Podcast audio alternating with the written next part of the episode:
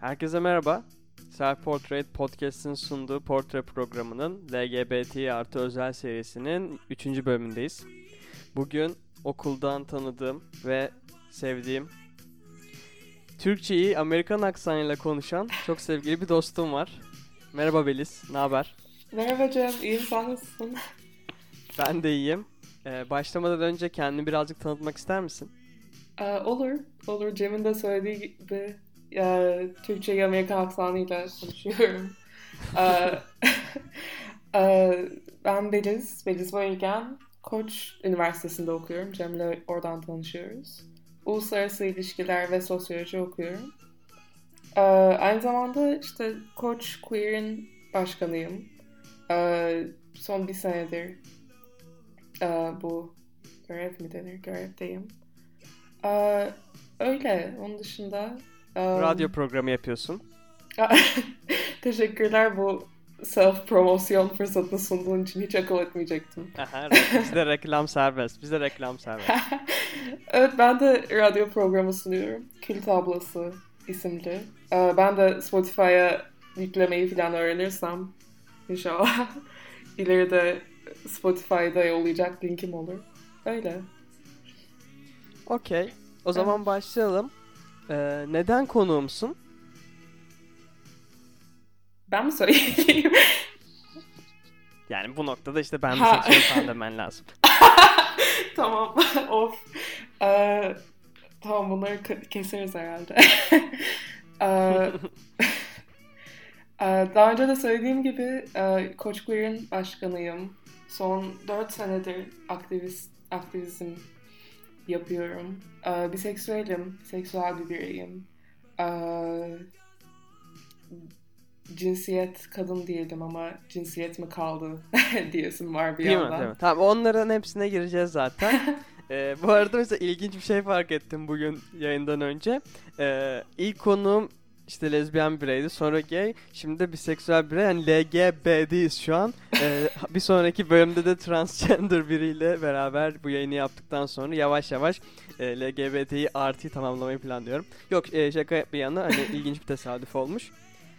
O zaman ilk sorumla geliyorum. Biliyorsun genel konsepti soru cevap yapıyoruz ama hani soruya çok da bağlı kalmana gerek yok. Sorunun etrafında dönüş, dönüp dolaşıp bir şeyler anlatsan güzel oluyor. Açılma sürecin nasıl oldu? Bu süreçte zorlandın mı?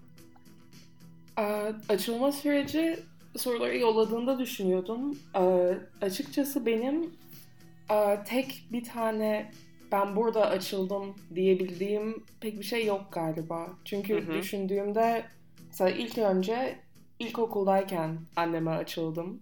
Yani tek e, tırnak içinde açıldım. Bir kızdan hoşlandığım için ağlayarak gitmiştim anneme.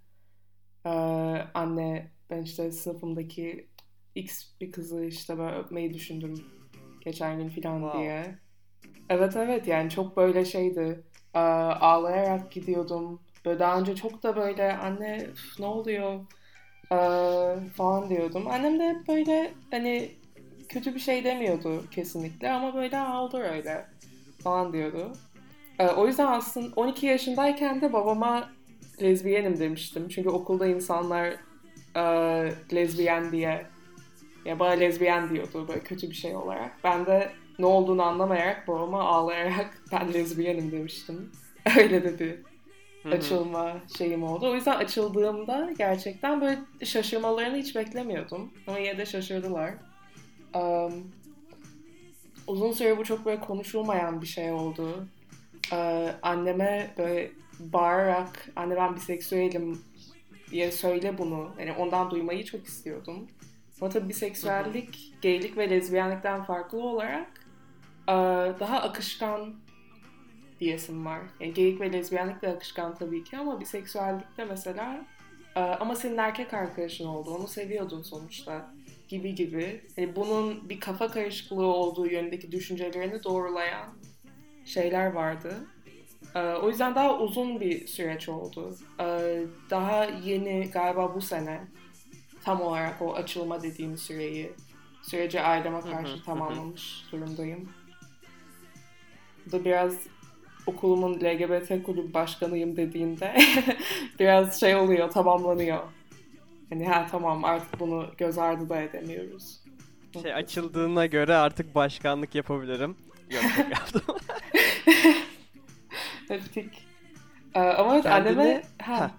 anneme ilk Yok, yok, buyur, söylediğimde anneme ilk söylediğimde şey diye sormuştu. Senden önceki başkan da mı heteroydu? Ve böyle çok Hmm.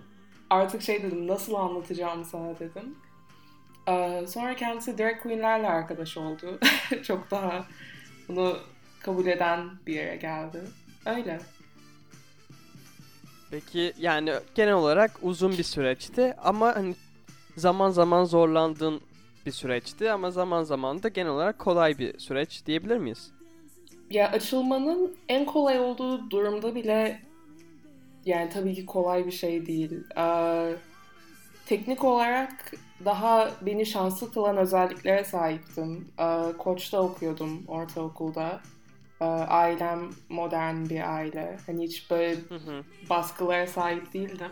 Ama bir yandan da daha kötü. Çünkü mesela Koç Ortaokulu'nda benimle lezbiyen diye alay ediyorlardı. Başka bir yerde mesela komşu komşularım, mahalledeki arkadaşlarım lezbiyen ne bilmiyordu. Bu yüzden yani bu tür yani da ben lezbiyen ne bilmiyordum. O yüzden böyle karşıdaki birisi sen lezbiyensin diye böyle seninle alay ediyor. Hani böyle biraz daha bir şeylerin farkında olmak aslında bir yandan da daha kötü. Nasıl saldıracağını daha iyi biliyorsun. E, Evet evet tam onu söyleyecektim. Farkındalık bir noktada da senin daha fazla ve daha etkili bir şekilde hakaret tırnak içinde etmeni sağlayabiliyor. Evet, evet ya, sebep oluyor diyeyim.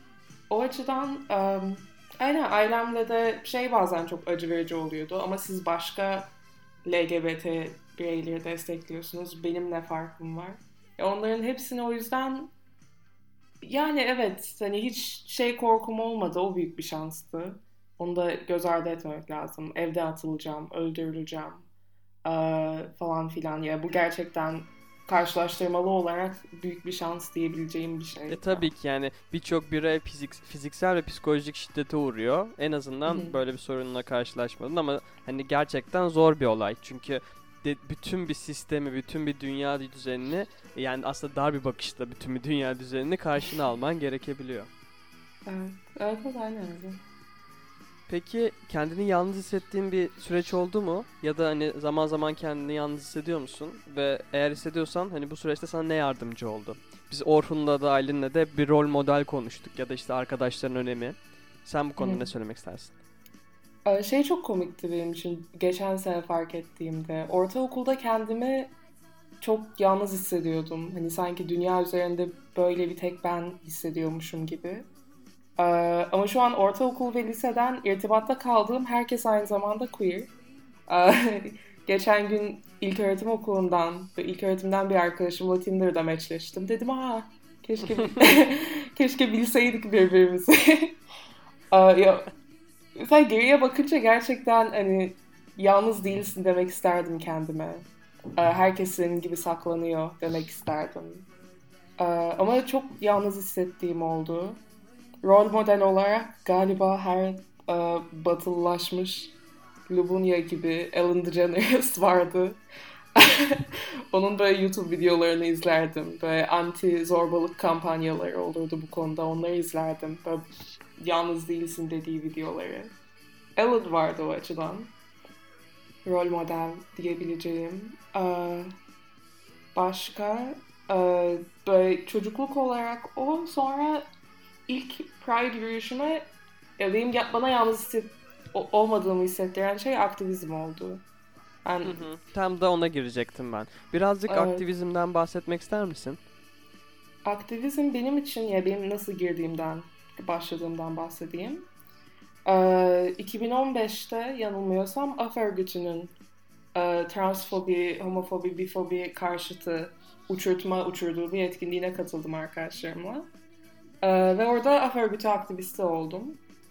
Ee, o yazda 2015 yazı ilk Pride yürüyüşüme gittim. Hı hı. Ve o e, yani polis müdahalesi vardı. O bir kere çok travmatik bir şeydi. Çünkü ilk defa gidiyorsun. E, ilk defa ben buyum ve bak bu insanlar da benim gibi diyebildiğin bir yerde böyle bir müdahale.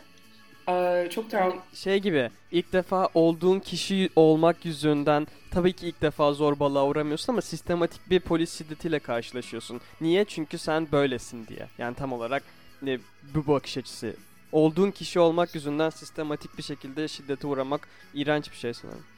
Aynen, aynen öyle. Bir de 2015 e, yazı Amerika henüz yeni evlilik eşitliğini geçirmişti. Ve hani bir yandan o bana o kadar kabul edilmiş hissettirdi ki bak benim de sahip olamayacağımı düşündüğüm her şeye sahip olabilirim dedirtti. Ee, böyle bir Amerikan vatandaş Amerikan vatandaşlığından dolayı. Ama sonra Türkiye bulunduğum yer, yaşadığım ülke e, çok da umutla gitmiştim. Böyle Aa, Amerika şey yaptı biz zaten böyle şeyiz falan. Ee, sonra bir anda e, yani hem daha yeni kendimi kabul etmişim ve kabul edilebileceğimi öğrenmişim ama sonra dışarıdan bir darbe geliyor ki hayır her şey olduğu gibi. Um, ve bu yüzden saldırıya uğrayabilirsin. Uh, ve mesela ortaokulda başıma gelebilecek en kötü şey bu diyordum. Ama sonra sokağa çıkıyorsun ve polis plastik mermilerle sana saldırıyor ve diyorsun ki hayır buymuş ya hayır aslında. Evet evet şiddet şiddet hiçbir zaman bitmiyor ve giderek de büyüyor. İlkokulda sana işte lezbiyen diyorlar. Ben işte Orhun anlattı bana top diyorlar diyor. O bir sonraki aşamada işte bu sefer başka bir şiddet. Biz bir noktada fiziksel şiddete dönüyor ve ondan sonra yine bu sonu da yok. Öldürülme, trans cinayetleri ya da işte e, eşcinsel cinayetlerine kadar giden bir yolu var bunun. Aynen öyle ama 2015 Pride yürüyüşünün bana kattığı şey e, çünkü bütün polis müdahalesinden sonra yürüyebilmiştik kısmen. E, ve bir tane pankart vardı hiç unutmuyorum hala 8 Mart'ta falan görüyorum. E, yalnız hissedersen bu kalabalığı hatırla yazıyordu. ve gerçekten de bu yani yalnız hissedersem o kalabalığı hatırlıyordum. o benim gibi olan ve benim için hiç tanımadığın birisi için kendini riske atıyorsun. Aslında Pride'a gitmek Türkiye'de bu anlama geliyor. Hiç tanımadığın birisi için e, belki tanışmayacağın insanların hakkı, hak savunuculuğu için kendini büyük riske atıyorsun. Onu görmek bana kendime dair bir e, olumlamıştı kimliğimi. Onu hatırlıyorum. E, LGBT artı olarak hani örgütlenme soruma zaten yaklaştık. Sence Hı. örgütlenmenin önemi ne peki? E, örgütlenmenin önemi şu bence temel olarak bizim karşımızda bir güç var. Şey değiliz. Kendi kendimize e, bir şey yapmaya çalışmıyoruz. Bize engel olmaya çalışan bir güç var ve bize engel olmaya çalışan güç çok çabuk mobilize olabiliyor. Yani ben um, normalde haberim olmayacak Pride etkinliklerini yeni akitten öğrendiğimi biliyorum. Ülke ocakları basın açıklaması yapıyor. Biz bunu engelleyeceğiz. Aa böyle bir şey varmış. Evet evet. Geçen sene hormonlu domatesin Şişli Belediyesi'nde olacağını yeni akit haber yaptığı için öğrendim mesela. Yani böyle bir çok çabuk mobilize olabiliyor ve her yerdeler. Gerçekten ya ben okulda e, Queer Fest düzenlediğimizde yeni akitten yeni akite fotoğraf yollayacak birisi burada mı? İşte e, lisede Robert'te hatırlıyorum bir queer etkinlik, queer Pride haftası olmuştu yeni akit orada yani o kadar çabuk mobilize olabiliyorlar ki ve bize karşı e, hiç hani böyle şık diyorsun ve oradalar. O yüzden bizim de bir o kadar e, savunucular olarak örgütlenebiliyor olmamız gerekiyor. E, tabii bunu yapmak bu kadar çeşitliliği olan bir kom- community içinde çok zor. Çünkü hani transfobik olan gay var, gay, uh, homofobik olan trans var, trans birey. İşte lezbiyenlere karşı ayrımcılık uygulayan gay, bifobik olan lezbiyen vesaire. Yani o kadar kendi içinde hani böyle çıkıntıları olan bir community'yiz ki. Yani şey gibi değil, ortak bir e, mesela biraz etnik azınlıklardan ayrıştığımız noktalardan birisi bu. Aile bağlarımız yok. Ortak bir tarih aslında hepimizi temsil eden yok. Genelde şu ana kadar e, cis, e, beyaz, ayrıcalıklı ve erkek eşcinseller tarafından e, ana akım olarak temsil edilmiş bir e, tarihe sahibiz. Oysa ki arka planında azınlık trans kadınlar temel olarak mesela Amerika'daki hareketi hareketin başlangıcı Marsha P. Johnson isimli siyahi bir trans kadın. Bunları ama göremediğimiz için kendi içimizde çok bölünüyoruz. Ve karşı taraf kendi içinde böyle bölünmüyor. Onların çok net bir onları bir arada tutan bir inancı var ve bunu bize karşı kullanıyorlar. O yüzden bizim de aynı şekilde örgütlenerek bunu yapmamız gerekiyor diye düşünüyorum. Örgütlerin biraz o yalnız hissetmiyorsun, bir şeyin parçasındasın, ötesindeki politik amacını biraz böyle düşünüyorum. Ben şey lafını çok severim. Ee, bölünerek değil birleşerek çoğalalım lafını. Sen de sanırım onu kullanmak yani on, ondan bahsettim biraz. Evet evet aynen öyle. Ee, kendi içimizde çok böyle problemler yaşanabiliyor fobi doğrultusunda ve fobi görmüş birisi olarak başkasına fobik olmak mesela benim aklım pek alamıyor. Yani ben şimdi gideceğim hayatım boyunca bir fobi yaşamışım ve gideceğim başkasına lezbiyen fobi uygulayacağım ya da transfobi uygulayacağım. Yani aklım almıyor. Ama maalesef böyle bir kendi içimizde de bir engelle karşı karşıyayız. O yüzden. Peki birazcık da başkanı olduğun Koç Queer'dan bahsedelim. Koç Queer, Queer pardon Koç Queer ne yapıyor? ee, nedir? Ee, Koç Queer bir öğrenci kulübü Koç Üniversitesi'nde. Ee, 7 yıl oldu galiba kurulalı. Hatta geçen gün öğrendim. Bu da ilginç bir bilgi. İlk kurulacağı zaman izin verilmemiş okul tarafından. Ee, sinema kulübü altında kurulmuş. Sinema kulübü altında buluşabiliyormuşuz o zamanlar. Sonra resmi kulüp olabilmişiz. Ee, şu an ama yaptıklarımızı böyle bir çift taraflı e, bir kendi içimizde dayanışma. Kampüse yeni gelen öğrencilere böyle bir dayanışma ağı sağlama, queer öğrencilere. Ee, bir de kampüsü daha güvenli bir hale getirmeye, bir içe dönük kendimizi koruyalım kendim birbirimize destek olalım. Bir de dışa dönük bir e, güvenli olalım. Burayı güvenli bir yer haline getirelim.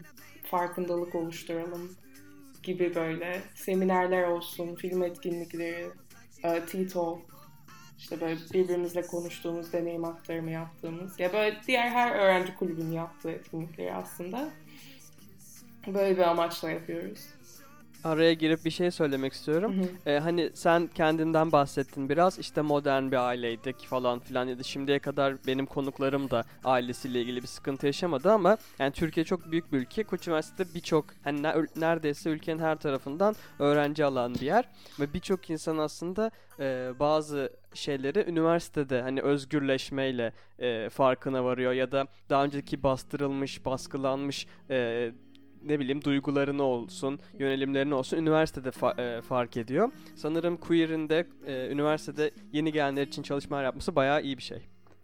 Evet, ya ben kulüpteki e, iki senedir, iki sene oldu kulüp içinde.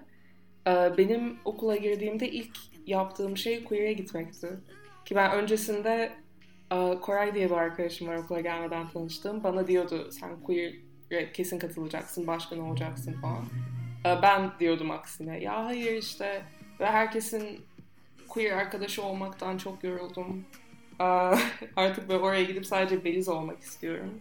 Çünkü bu da açılmam hakkında bu arada biraz side effect onu anlatmayı unuttum. Ee, ben açıldığımda MEF Lisesi'nde e, lezbiyen olarak açılmıştım.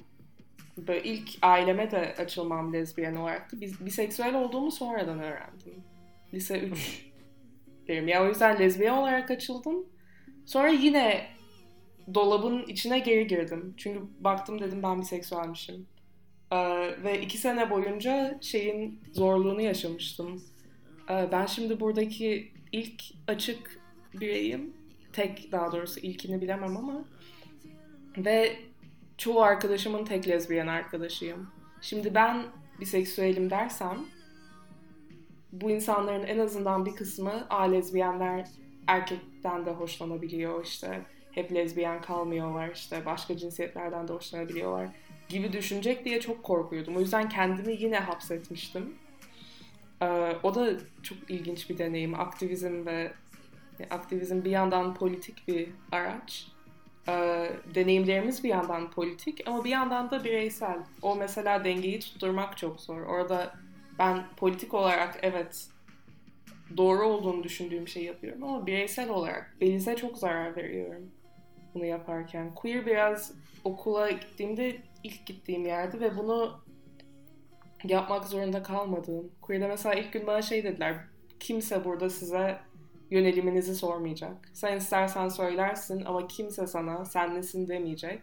Ve o kadar rahatladım ki. Çünkü hayatım boyunca sen nesinin cevabını aramaya çalışmışım. Ve birisi diyor ki ne istersen. Hiçbir şey de olabilir. evet bizi kalıplara sokmaya çok müsait bir düzende yaşıyoruz. Yani Hı-hı. sen olsun veya busun, bizdensin veya değilsin, ötekisin. Yani şey gibi siyah ve beyaz var gibi ama aslında gökkuşağının renkleri her yerde.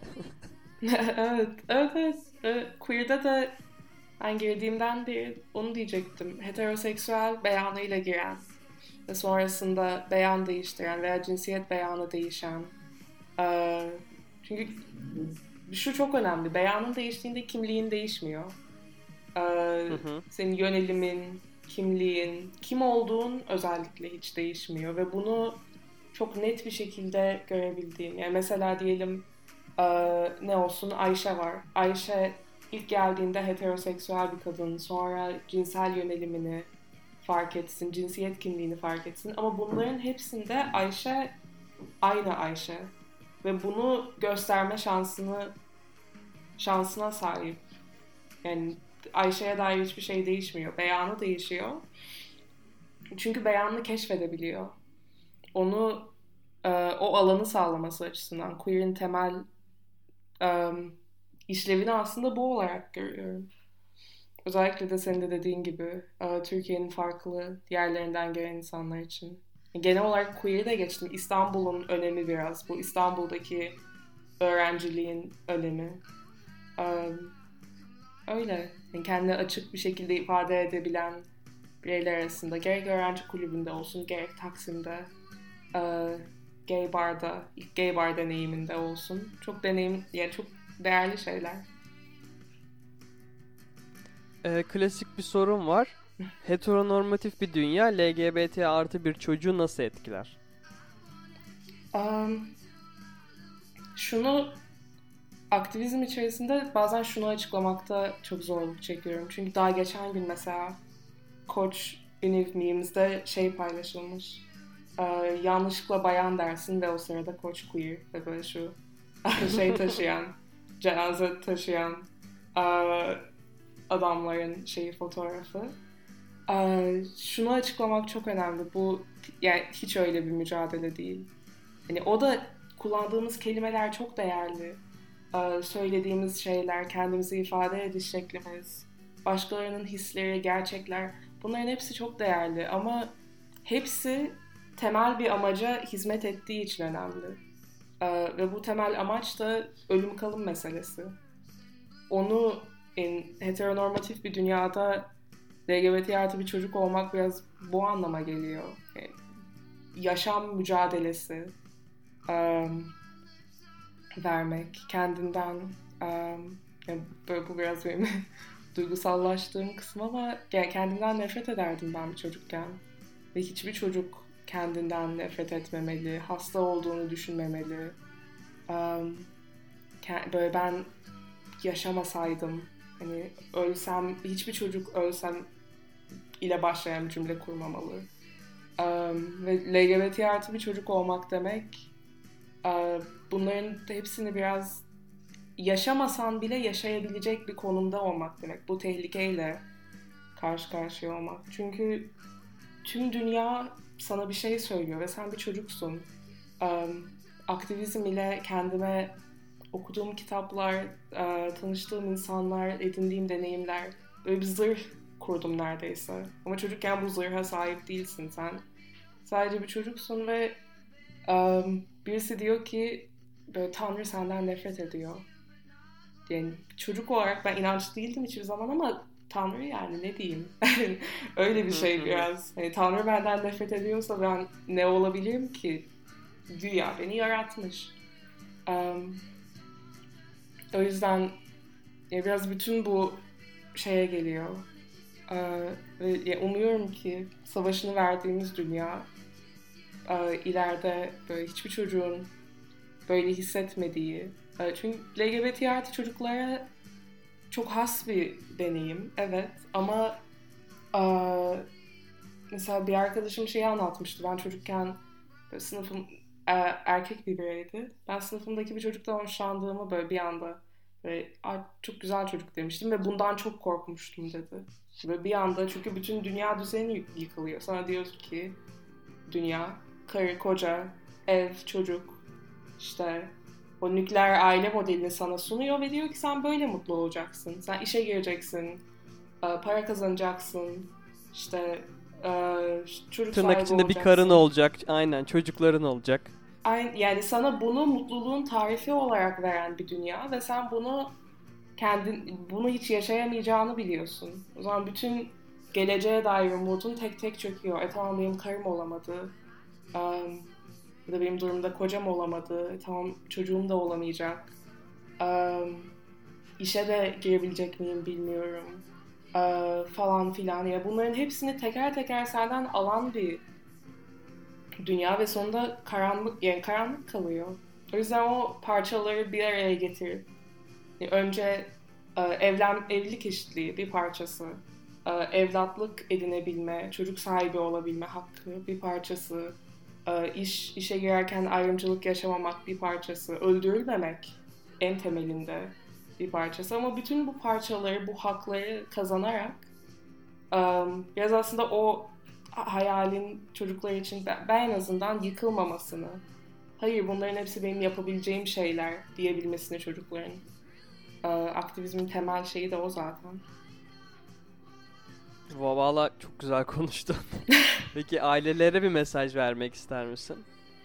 Ee, ailelere mesajım galiba benim kendi aileme de e, biraz verdiğim mesaj buydu galiba. Ee, bir ya mesela e, bir çocuk e, size açılırsa ilk kelimeniz her zaman tamam anlıyorum, seni duyuyorum gibi bir şey olmalı. İlk önce onu gerçekten duymalısınız. Um, ve başlangıcı bu.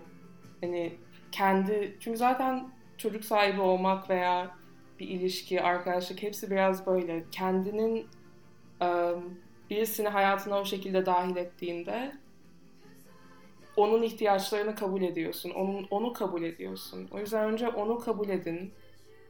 Um, neticede çok bir yani bunun arkasında bunu söyleyen bir çocuğun Ay, pardon konuşamadım. Baştan başlayabilir miyim? Tabii ki tabii ki. Tamam. Ay pardon. Um, bir gayet konuştun ama olsun. Evet evet böyle karman çorman oldu kafam. Ee, ailelere bir mesajım. Kendi aileme de e, başta almak derken bu soruyu bu arada. Um, neyse. Ailelere vermek istediğim mesajım kendi aileme de vermek isteyeceğim o işte ilk kelime olarak ilk ağzınızdan çıkan şey e, anlıyorum, biliyorum. E, çünkü çoğu zaman zaten biliyor oluyor aileler. Yani benim ailemin mesela ben 10 yaşında söylemişim aslında. Söylemeye çalışmışım veya en azından. Um, ve pek çok aslında LGBT çocukların yaptığı bir şey bu. Farkında bile olmadan ipucu bırakıyoruz. Bir yandan belki ailemizin onu bulmasını ümit ediyoruz. Ben, ben de öyle olmuştu en azından ve çoğu zaman en azından arkadaşlarımla konuşurken bu bilinmeyen bir şey olmuyor. Wow, oha hiç bilmiyordum. Olmuyor. E, söylenmeye çalışılan bir şey oluyor. O yüzden önce onu anlamak, e, ani bir tepki vermemek biraz söyleyeceğim şey. E, herkesin bunu hazmetme şekli farklı ama kendinin yani, aileler için bir çocuk kendinin bir parçasını sana açıyor. Kendinin uzun süredir sakladığı bir parçasını. ve o parçayı açmasına izin vermek önemli olan. Çünkü on, on, o olumlandığı anda aileden o destek geldiğinde gerçekten gerisi gerisi çok önemli bir şekilde gelebiliyor. Aileyle konuşmaya başlıyorsun. Kendini bu olabileceğin bir şeymiş diyebilmeye başlıyorsun. Ben evet. büyük büyük cümleler kurmayı çok severim. ee, mesela şunu da şöyle özetleyebilirim açıkçası. Evet. Yani özetlemek değil de e, kendini ifade etmek için bir sessiz bir çığlığı var çocuğun ve bu çığlığı duymazdan gelmemek gerekiyor. Bilakis cesa- cesaretlendirmek ve olumlamak ve ona cesaret vermek ve her türlü kabulleneceğini hissettirmek gerekiyor bence. Aynen, aynen öyle. Çünkü e, çok ciddi sonuçları var. Ben aileme açılamadığımı hissettiğimde e, onarım terapistiyle aslında görüşmüştüm. Bu da ilginç bir detay. Um, ya onarım terapisine katılmamıştım uh, böyle bir hasta olarak ama uzun süre bir onarım terapistiyle irtibat halindeydim. Ben nasıl düzeltebilirim bunu diye. Çünkü ailem anlamamış yani ya değilim ya da düzeltilebilecek bir şey. Um, ailemden de hatta uh, ailemdeki birisine söylediğimde merak etme bunu düzeltebiliriz. Yani bu şey değil böyle sorun değil demeye çalışmış aslında ama bunu düzeltebiliriz. Düzeltilecek ne var ki diyorsun. Um, Anneme onarım terapisine gitmek istediğimi söylediğimde ben böyle olmak istemiyorum. Sen de galiba benle bunu konuşmadığın için sen de istemiyorsun galiba. E, düzeltelim o zaman demiştim. O da um, bir sorunu çözmek için başka bir sorun yaratmayalım demişti. Uh, sonradan bunu da konuştuk ama yani, bir sorun olarak bakmamak lazım. Ee, onarım terapisi. Evet ortada bir sorun yok, çözülecek bir şey de yok yani. Evet çünkü isim vermek bu açıdan bazen yani ben kendime verecek bir isim arıyordum. Biseksüeli buldum. Ama ben biseksüelliği bir sorun olarak kodlamışım kafamda. Demişim ki hissettiğim şey bir sorun. O yüzden o ismi bulmak aslında çok toksik bir şey haline geliyor. Çünkü bu şey gibi hani um, ateşin çıkar ve işte sümkürüyorsundur falan. İnternete yazarsın işte yüksek ateş, burun akması ve sana hastalığın ismini verir. Evet ben bu hastalığın ismini çözebil ismini bildiğim için tedavi edebilirim dersin. İlacını alırsın. Um, cinsel yönelimini veya cinsiyet kimliğini bir sorun olarak kodlamış bir birey için o kimliğe bir isim vermek biraz böyle bir şey olabiliyor. Tehlikesi bu biraz. O direkt o düşünceye saldırmak önemli. Benim için de öyle olmuştu. İsmini buldum ama tedavi edebilmek için buldum. Sonra da tedavi etmeye çalıştım. Ya ilk başta aslında e, bunun bir sorun olmadığını kabul etmek e, ve sorun olmadığını duymak da gerekiyor sanırım. Kendine söyleyemiyorsun çünkü çoğu zaman. Ee, bir kere çocukken yaşadığımız için çoğumuz bunu. Ben daha çocuğum ne bileceğim ki? Ben sorun ne bilmiyorum. Ben kahvaltıda dondurma yemek istiyorum. Yani belki bu da öyle bana kötü gelecek bir şey ve haberim yok. Ee, o yüzden yani zaten hassas bir konum bir de daha da hassas bir konumdasın. Ailelerin önemi biraz bu o yüzden. Peki yavaş yavaş sonuna geliyoruz bölümün. Son bir mesaj vermek ister misin? Beraber de verebiliriz. İlk bölümdeki mesajımız kendini sevdi. İkincisinde de e, yalnız savaşmak zorunda değilsin. Bu bölüm ne diyelim? Ah ne diyelim? Um, ay çok şey oldu. Kelim böyle. Yani ben şeyi düşündüm. Ortada bir sorun yok, düzeltilecek bir şey de yok. Evet. Ama tabii ki bu bunu daha da hani, bilmem fark etmez. Evet. Um, hmm. Ay düşünsem olur mu? Bir dakika. ee, tamam tamam sen düşün bana yazarsın bölümün adını da öyle yaparız. Tamam ay dur söyleyeyim mi şey olarak? Bir, um, tabii ki tabii buyur. Hı söylemek istediğim galiba uh, bir tane uh, geçen bölüm söylediğinizle bağlantılı uh, şey vardı. Bunu Bernie Sanders kampanyasında duymuştum. Bayağı da böyle tüylerimi diken diken etmişti e, tanımadığın birisi için savaşabilmek. Daha önce de söylemiştim. E, o kadar fazla senin için savaşmaya hazır insan var ki etrafında tanıyıp tanımadığın. E, o kadar fazla yani biraz bu aslında kendime söylemek isteyeceğim Ee, başkalarının da duymasını isteyeceğim. O kadar fazla seni sevmeye, seni kabul etmeye e, hazır insan var ki henüz tanışmadığın. E, o yüzden bir şeyler zorlaştığında hep işte bu kalabalığı hatırla, bu kalabalıkları hatırla. E, ve bu Evet evet bunu için- ilk söylediğinde ben de çok etkilenmiştim. O zaman bu bölümün ismi kendini yalnız hissettiğin zaman bu kalabalığı hatırlama olsun. Evet, çok da güzel olur. Tamamdır. Tamam. Melis çok teşekkür ederim konuğum olduğun için. Ne demek? Ben teşekkür ederim. İyi ki geldin. Ee, kendine çok iyi bak. Öpüyorum. Sen de görüşmek üzere.